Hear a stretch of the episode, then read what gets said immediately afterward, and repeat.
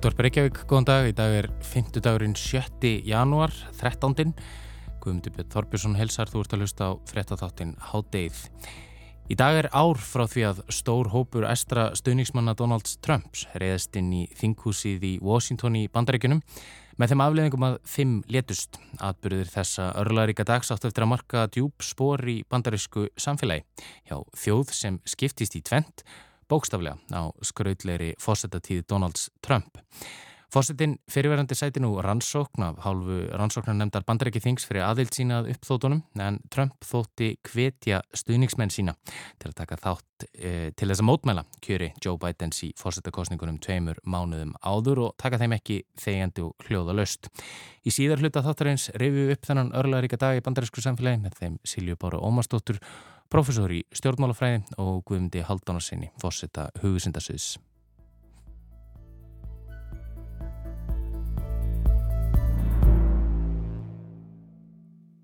En við hefjum þáttin í dag á nýjum lið hér í hátteginu, markas og fjármálum og efnahagsmálum. Hingað er komin Magdalena Anna Torfadóttir, hagfræðingur og sérfræðingur í fjármálum fyrirtækja. Hún er bladamæður á fréttablaðinu og umsjónamaður markaðarins á sjónastöðinni Ringbrödd. Þá er hún einnig umsjónamaður hlaðarps þáttarins fjármálakastið. Velkomin, Magdalena. Takk ég alveg fyrir að fá mig.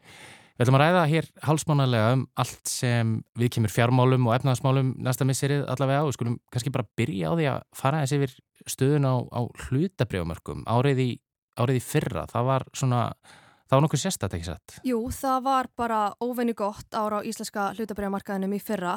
Uh, íslenska úrvalsvísitalan hækkaði um réttur um 30% og þáttaka almenningsjóks til muna og þá sérstaklega í tengslu við þessar nýskráningar en það áttu síðast að fjórar nýskráningar á síðast ári mm. annars vegar Play og Solid Clouds sem fóru á hérna, First North vakstamarkaðin Einmitt. og hins vegar uh, skráning Íslasbanka og Síldavinslunar sem fóru á aðalmarkað kaupallarinnar mm -hmm. þannig að baki er bara virkilega gott ára á hlutabriðamarkaði og marga nýskráningar og eins og segi þá jógst áhuga almennings gíla. Já, almenningu tók, einmitt, hann tók svolítið virkað þátt í þessum hlutafjárútbóðum Já, algjörlega og bara áhugin jógst gífulega og það má bara sjá það á þegar maður skoðar þær tölur. Já, en, jæna, og við sjáum það að þetta var kannski svona svolítið á einhverju tímpúti kannski svolítið svona stemning í þjóðfélaginu. Já, algjörlega, íst... bara eins og allir, allir allar kaupa og, og svoleiðis. Emitt, emitt. Uh, hérna, hvernig horfir, uh, hver eru svona horfurnar fyrir þetta ár, 2022? Já, kannski byrja að nefna það að það stefnir í fleiri nýskáningar heldur en í Já. fyrra. Þannig mm -hmm. að það er svona, það er jákvæmt. Eh, það voru náttúrulega gífular hækkanir á síðast ári og það er allsendis óvist að þær hækkanir verði jafn dramatískar og þær voru en aftur á móti þá... Það er þá hækkanir á mörgum. Hækkanir á mörgum, já, einmitt. Að brefin hækkuðu og, og, já. Þau hækkuðu bara, já, félagin hækkuðu á bílinu 14 til 100%. Mm -hmm. Þannig að það voru bara, þú eiginlega gast ekki tapað á hlutabriðamarkaðinum í mhm. fyrra sko. Mm -hmm. en, jæna, en aftur á móti þá er ímislegt sem bendir til þess að árið í ár verði gott uh, og má þar til dæmis nefna að þó svo að Sælabankin sé byrjar að hækka stýrivexti uh, þá eru enn sögulega lágir. Þeir fóruð þarna lægst í 0,75% standa nú í 2%. Uh, þannig að já, þeir svona heilt yfir og ég hef rættið bara fjölmarka sérfræðingar tengslu við starfum mitt mm -hmm. og mhm. það er allir sammálað um að það stefni bara í svona solid ára markaði. Þessi, þessi stýruvasta lækkun sem þú talar um uh, og náttúrulega fyrir að náði þarna söglu lámarki og þeir eru ennþá, eru ennþá þannig séð lág, lág ír í söglu samingi. Þetta mm -hmm. er mhm. vantalega ástæðan fyrir því að já, fólk fer með spari fyrir sitt í Algjörlega, algjörlega. Innlánsreikningar hafa bara ekki verið að gefa nóg mikið þannig að fólk mm -hmm. leitar annar að leiða til þess að fjárfesta. Það er mm. alveg klart mál og hérna, eh, ég tel að það samt spili svona ímislegt inn í eh, hversu mikið áhugi almennings hefur aukist, já mikið og raunberi vittni. Eh, ég tel að megin ástæðan sé að bara eins og þú nefnir, vextir eru lágir, við erum núna í lágvakst umhverfi, fólk er að leita annar leiða til þess að ávaksta sitt sparfið. Mm -hmm. Um, svo vil ég kannski líka nefna að mér finnst svona fjármála fræðsla hafa aukið skífulega mikið. Emitt. Kannski tengsli við, ég veit ekki hvort að þú hefur hirt um það, er Fortuna Invest framtakið. Mm -hmm. Það eru með svona aðgengilega fræðsli fyrir byrjandur. Já. Gáðu líka út bók sem er fjárfestingar, sem er kjörin fyrir fólk sem er að stíga svona sín fyrstu skref Emitt. í fjárfestingum. Mm -hmm. Svo ef að fólk vil kafa dýbra, uh, þá er líka góð bók sem heitir Lesið í markaðin Já. eftir Sigur B. Stefánsson og Svandísi Rún Ríkastóttur mm -hmm. þannig að þetta er svona tvær góða bækur sem ég get nefnt. Já, þannig að þú segir að sko, já, fjár, já fjármálalæsi og þar alveg áhuga almennings eikst svona með, já, aukinni, aukinni meðvitund og fræðslu um, um fjárfestingar og fjármál sem hefur kannski sem hefur kannski skort svolítið, ég man að þegar ég var í þegar ég var í, til dæmis ég bara fer ekki um skólakerfi það, mjög, það var mjög lítið um, um, um fjármála læsi þar og maður -hmm. kemur svona svolítið út í lífið einhvern veginn vitandi ekkert um peninga sko. Algjörlega, ég er bara bjassin á að þetta breytist Ég hérna, var reyndar í hagskóla, það var einhver svona fjármálafræðsla þar Já. en það bara hefur verið rosa mismönd en það þarf klárlega að hérna, koma markvist inn með fjármálafræðsli. Mm -hmm, mm. En hvað þarf... Allir getur grætt á því. Hvað þarf fólk svona að hafa í huga þegar það er að, er að fara með sparifið sitt í, í, í þessi, já, á þennan á, á þessa markaði og, sko, og á maður bara, bara henda öllum peningunum í, í nei, þarf, mest spennandi fyrirtæki? Það þarf klárlega að hafa í huga að þetta er áhættu, þetta er áhættu fjárfærsing. Jafnvel bara fjárfærsing í sjóðum, það er áhætta. Já. Það eru náttúrulega bara margir hrjunum sem mistu hellingspeningum með því að fjárfæst í sjóðum. Mm -hmm. En mér finnst eins og tröst almennings á hlutabriðamarkaði hafi aukist gífulega mm -hmm. og hérna en ég myndi ef að ég ætti að koma með einhverju ráðleggingar fyrir fólk sem að ætlar að byrja að fjárfæsta þá myndi ég bara byrja á að ráðleggja um að fjárfæsta í þekkingu fyrst það að maður þarf að vita alveg helling áður um að byrjar en líka að dreifa áhættinni Já, þú ert að meina bara kynna, kynna þér málin Kynna, kynna þér málin, já, já, það, er, það er alltaf betra sko. mm -hmm. en, jætna, betra. en jætna, eh, og það er líka mikilvægt að hafa í huga það hafa ekkit allir áhuga fjármálum eða fjárfestingum og það er, það er allt í læg það, það, það er alveg fólk sem að uh, nennir ekkert spá í þessu eða pæli í þessu en það getur alveg ávaksta sparifið sitt uh, líka mm -hmm. bara til dæmis uh, með því að fjárfest í sjóðum ég held að það sé mjög góð leið fyrir fólk sem að nennir ekki að pæla í þessu daginn út og daginninn. Já, þá erst ég raun að kaupa hluti í einhverju sjóð það sem er mörg fyrirtæki. Já, það, mörg... Sem að, það sem að, jæna, hérna, og það er einhver sérfræðingur, einhver sjóðstjóri sem að stýrir þá fjárfestingum þessa sjóðs mm -hmm. Mm. og hérna að því það er gífil ávetta sem fylgir í að fjárfesta í einsta, einstökum hlutabrjöfum mm -hmm. og hérna, þú veist, maður hefur alveg sögur að fólk hefur sett bara allt sitt í eitthvað eitt félag. Já, já. Er, er eitthvað svona þumalpötta regla í þessum að setja kannski, þú veist, ákveði mikið af sínu spari fyrir í Já, það er einn góð regla sem ég heyrði frá einum góðum gömum kennara mínum. Mm -hmm. Það er að maður eigi að fjárfesta svona 70% af, uh, af sagt, sínu spartnaði í svona leiðilegum hlutabrjöfum. Mm -hmm. Eins og bara einhver svona stöðugum fyrirtækjum sem eru, þú veist, ég segi leiðileg þá meina ég bara sem eru stöðug. Það er ekkert svona eitthvað svona spennandi Uh, nei, þau eru kannski ekki að fara að sko. rjúka upp nei, bara á nei, næstu vikum. Nei, bara svona stöðu og mm -hmm. solitt og eiga til að bara vaksa hægt en öruglega. Og þá ertu kannski að hugsa um þetta í langtíma, Já, sem langtíma fjárfestingu. Það er líka eitt sem að vera að gera sig grein fyrir hvort að maður sé að fjárfesti til langstíma eða skamstíma. Það er mm -hmm. allt, annar, allt annar handleikur. En svo 20% í svona skuldabriðum, það eru mjög á örugar fjárfestingar, þó svo skuldabriðamarkaðin hefur ekki verið að gefa mikið af sér núna. Uh, en þetta er samt svona örug fjárfesting Já. Svo er svona 10% sem er hægt að svolítið leika sér með. Já, já. Hvort sem það væri rafmyndir sem er náttúrulega bara gífulega áhættu, áhættu um, fylgur í sér miklu áhættu að fjárfesta í þeim. Emitt, emitt. Og ljóðlega lítið vita kannski um, um hvað verður í því. Við sjáum, það er náttúrulega mjög áhugaverðið vinkill líka. Við, við höfum talað svolítið um um rafmyndir hér í hátteginu og, og svona þetta, þetta, hérna, þetta sveiplast, verist, gengið þessu verist sveiplast alveg gríðarlega. Já, líka bara eftir svona hlutum eins og Elon Musk svítar einhverju þá já. bara sveiplast þetta og mm -hmm. þetta er svona, já, þetta er ekki verugt en auðvitað þekkjum að marga sem hafa grætt mm -hmm. töluvera fjárhæðir á þessu mm -hmm. ef þú mhm. setur þið vel inn í þetta mhm. en eins og ég segi, veist, þetta er bara virkilega, mhm. Virkilega hérna áhættu samt. Emitt, emitt. Og svo vil ég líka nefna kannski með sjóðina er að Uh, ég myndi ráðleika fólki að hérna, gerast áskrifandi í sjóð. Þetta þarf ekki að vera svakalega há upphæð mm -hmm. en, hérna, en getur gefið vel af sér. Já, já, og það er þá líka kannski einmitt svona svolítið langtíma hugsun sem er að baki þar og það er kannski eitthvað sem að eitthvað sem, já, ger ég ráð fyrir að allir ætti að hafa í huga þegar þeir eru að fjárfesta Já, að, vera að hugsa um... bara í þessu lágvakst umhverfi uh, innlán eru ekki góður fjárfestingakostur mm -hmm. En hérna en hérna, já, þannig mæli klárlega með að fólk skoði aðra möguleika heldur en að láta peningi sinn rýrnaðin á bankabóku og verðfólkan getur upp spartnaðin. En, en, við sjáum, hérna, en við sjáum náttúrulega, við erum, erum búin að sjá vaksta hækkanir frá sælabankanum upp á síkastið og, og það mér nú líklega að halda eitthvað áfram, en þú, en þú telur einhver síður að þetta, verði, þetta getur verið gott, gott ára mörgum. Já, ég tel, eins og ég nefndi, þú veist, það er auðvitað áskorun að sælabankin er farin að hækka stýrivexti. Mm -hmm en ég minna það er ekki allir, eða jú greiningadeildinar hafa sagt að þeir telja þetta verði svona frekar hóflegar hækkanir Já. svona bara 25 brúntar hér og þar sko, mm -hmm. þannig að hefur kannski ekki, en, en eins og ég segi bara sögulega séð, eru vexti lágir mm -hmm. það þarf ekki að hafa miklar áökjur Við sjáum bara alveg í lókin Madalena, eh, hvað heldur þú svona í örstutumáli, hvað heldur þú skýrið þennan svona mikla áhuga í slíka allt í hennu á að ávasta pönsitt með þessum hætti heldur þetta sé Eh. bara, heldur þetta sé bara eitthvað stemning í þjóðfélaginu? Já, ég held þetta sé klárlega stemning og fólk er að endur hefða tröstið á mörkuðunum. Mm og líka en ég, eins og ég saði á hann ég tel að megin ástæðan sé bara þetta lágvakstum hverju fólk sér á bankabókinu sinni að, eða, bara tek, með te, tekið tillit til verðbólkunar að það er ekki að fá góða ávakstun Einmitt það.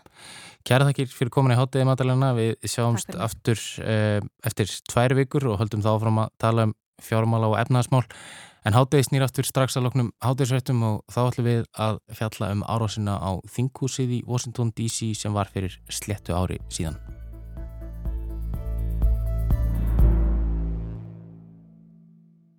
En þá höldum við til bandaríkjana. Í dag er akkurat eitt ár frá því að hópur estra stuðningsmanna þáverandi bandaríkjafósita Donalds Trump reyðist inn í þinghúsið í höfuborginni Washington DC.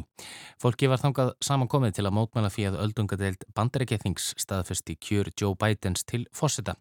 Fólkinu var ekki kápan úr því klæðinu en atbyrðir 7. janúari fyrra er að eilifu skráðir í sögubækunar.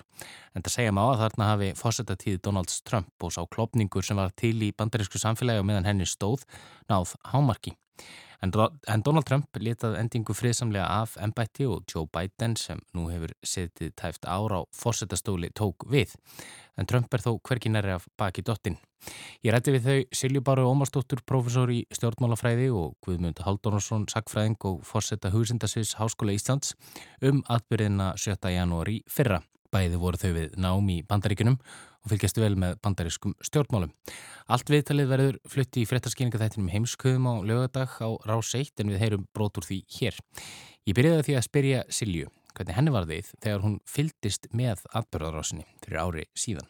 Ég held að maður hafi verið haldin að vera undirbúin fyrir allt eftir fjögur ára af, af Trump í kvítahásinu og hérna og þessu uh, hérna þessari miklu skautan sem er orðin í bandarísku samfélagi en En mér brá rosalega að sjá þessar myndir úr þinghúsinu og kannski sérstaklega, ég fer aðna reglulega, ég fer yfirleitt annarkvært ár með nefndum uh, og meðal þess sem við gerum sérst, í námsverði bandaríkjana og meðal þess sem við gerum er að heimsækja þingið. Þannig að mér finnst ég hafa ágættið svona uh, tilfinningu fyrir því hversu mikil örgisgæslan er þarna að þú kemur inn í þinghúsið gegnum hérna ansi svona já, svona voldugan gestaengang það sem er mikil örgisgæsla og, og uh, svo færðu leiðsögn um húsið og ef þú víkur frá þínum hópi þá er strax svona farið að horfa á þig og, og ef þú ætlar inn í þingsalina og þá á pallana þá er önnur örgisgæsla sem í gegnum þar sko. Þannig að hérna þannig að sjá hversu auðvelt það var í raun og veru fyrir fólk að komast þarna inn uh, vopnum búið og, og þetta í uh, þessum búningum líka sko þannig að maður síndi náttúrulega að þarna var ekkert fólk á ferðinni sem var bara í hverstagslegri skoðunaferð að hérna þessi hópar þarna fyrir utan og svona já mér brá verulega við að sjá þetta og, og hérna og getur rétt ímyndað mér að, að starfsmenn, bæði starfsmenn þingsins og, og, og þingmannum hafi líka verið bröðið sko. Þeir eru þetta allega að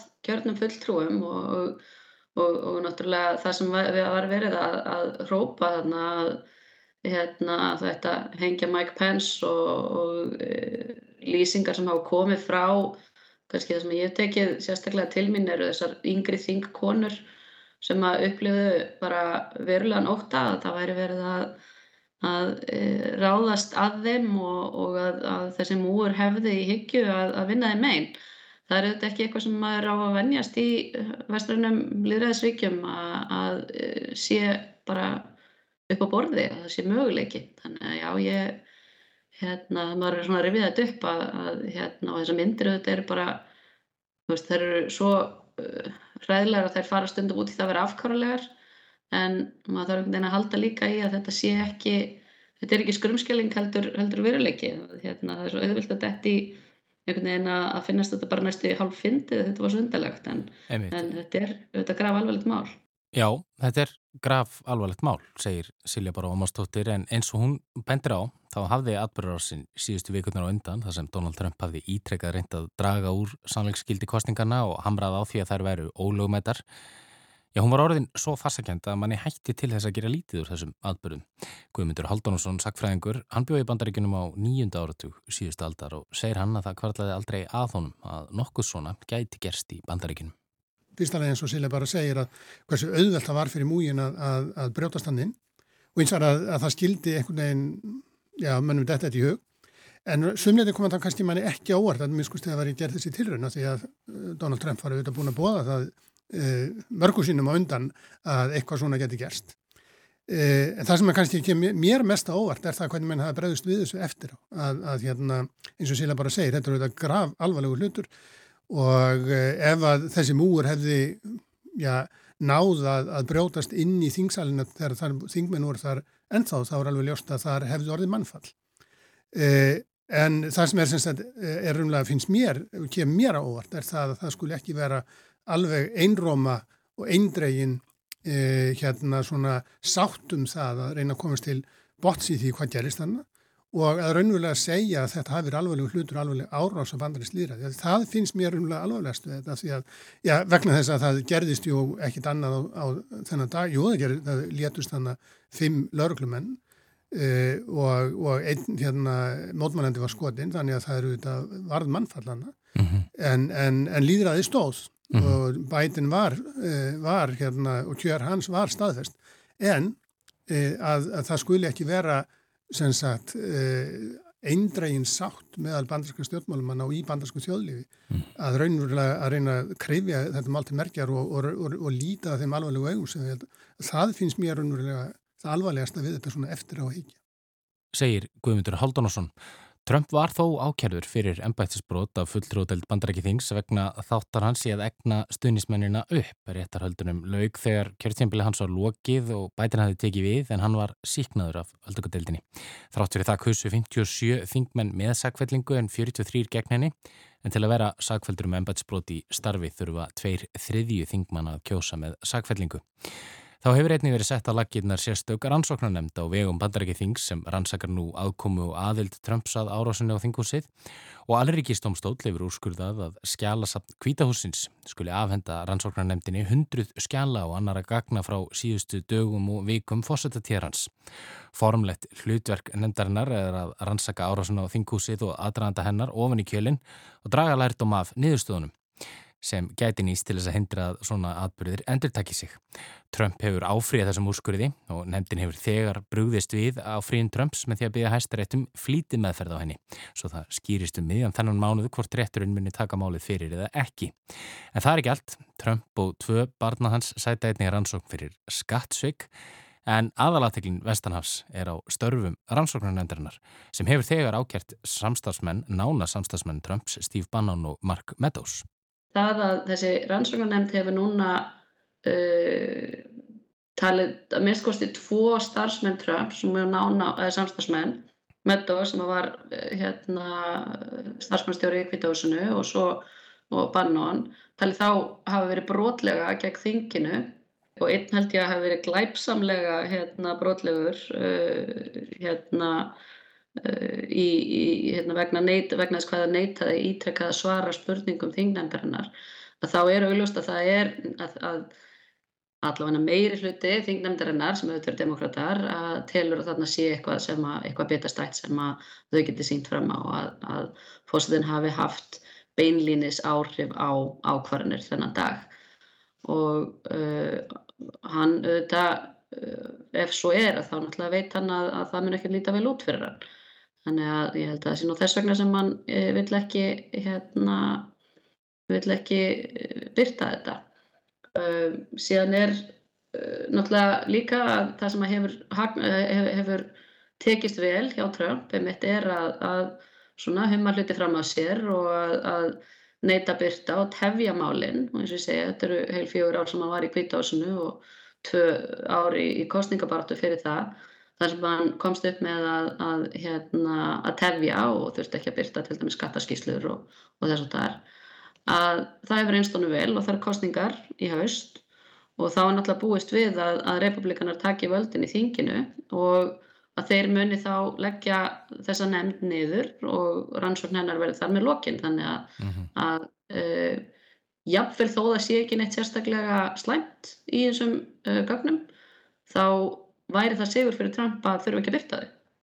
Segir Silja Bára og Guðmundur Halldónsson telur að Trump freysti þess nú að verða fósættaframbjöðandi republikana í næstu fósættakostningunum og haldi jafnvel nú republikanafloknum í nokkus konar gíslingu.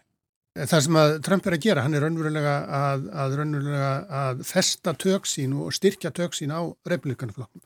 Það sem að honum hefur tekist og er raunverulega stórmerkilegt og, og ótrúlegt er hann tekist algjörlega að umsteipa þessu flokki sem að hér fyrir svona, já ekki svo mörgum árum síðan var, var svona, já íhaldsamur eh, al, svona alþjóðasinnaður flokkur og, og svona einstaklisíki flokkur en, en Trump er búið að umsteipa honum og, og það sem er umlega kannski veikleikin í þessu umsteipun og það er það sem er kannski spennandi að, að fylgja, verður spennandi að fylgjast með á næstunni er það að hversu miklu leiti er þessi um, umpólun snýst um bara um Trump eða hvað miklu leiti er þetta raunverulega stefnumskipti sem, að, sem að er sem sagt raunverulega svona þessi, þessi hotlusta sem að, sem að já, 75 miljónir manna síndu mm -hmm. í síðustu kostningum. Segir Guðmundur, Trump tókst einmitt þannig á þessum fjórum árum í ennbætti ekki aðeins að kljúfa bandarísku þjóðuna, heldur einnig republikanumflokkin. Bandarísku stjórnmáli eru, eru frosin í einhvers konar svona, svona fylkingum sem að, sem, sem að talast ekki við og í sjálfu sér getur ekki haldið áfram svona. Er, það, það, það er ekki hægt að reka líðræðiskerfi það sem að ekkert fer í gegnum þingi, það sem að allt sem annars segir og sérstaklega ekki kerfi sem eins og, og bandarsku kerfi sem byggir á því að, að það er krefst þess að, að það sé einhvers konar samkominlag um eitthvað til þess að reyna að koma hlutunum áfram. Og, og það hefur verið svona meðvutu stefna Trumps að íta undir það að komi vekk fyrir allt samkominlag um hvað sem, að, sem, sem er og hann hefur komist upp með það vegna þess að fólk trúir á hann og þessi trú er þannig ennþá. E, er það nóg að, að, að hann sé búin að umpóla flokknum svona þannig að það kemur einhver nýr Trump sem að tekur þá völdin í flokknum, það, það, það á alveg eftir að koma ljós. En það sem að raunlega er líka verið áhugavert að fylgjast með í, í kostingunum, kannski ekki svo mikið kostingunum núna 2022 á þess ári, þingkostingunum, eldur í forstakostingu 2024, að það er það sko, hvað verður um þetta þennan stóra til dæla stóra hóp manna óanara replikana sem að, sem að hafa svona framgátt kusan kannski í síðust kostningum og heldur fyrir nefið en, en eru núna um, orðinir, já, ansið þreyttir á þessu ástandi. Hvað verður um þá? Hvað er þeirra kjósa?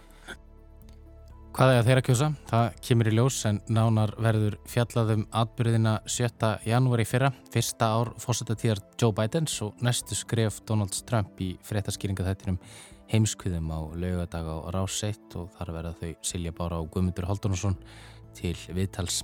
En hádegið er á enda í dag, við verðum hér aftur á sama tíma á morgun. Þátturinn er einnig aðgengilegur í spilarannum og á hlaðvarpsveitum og þá er þetta að senda okkur post með ábendingum á netfangið hádegið hjá rúf.is. Verðið sæl.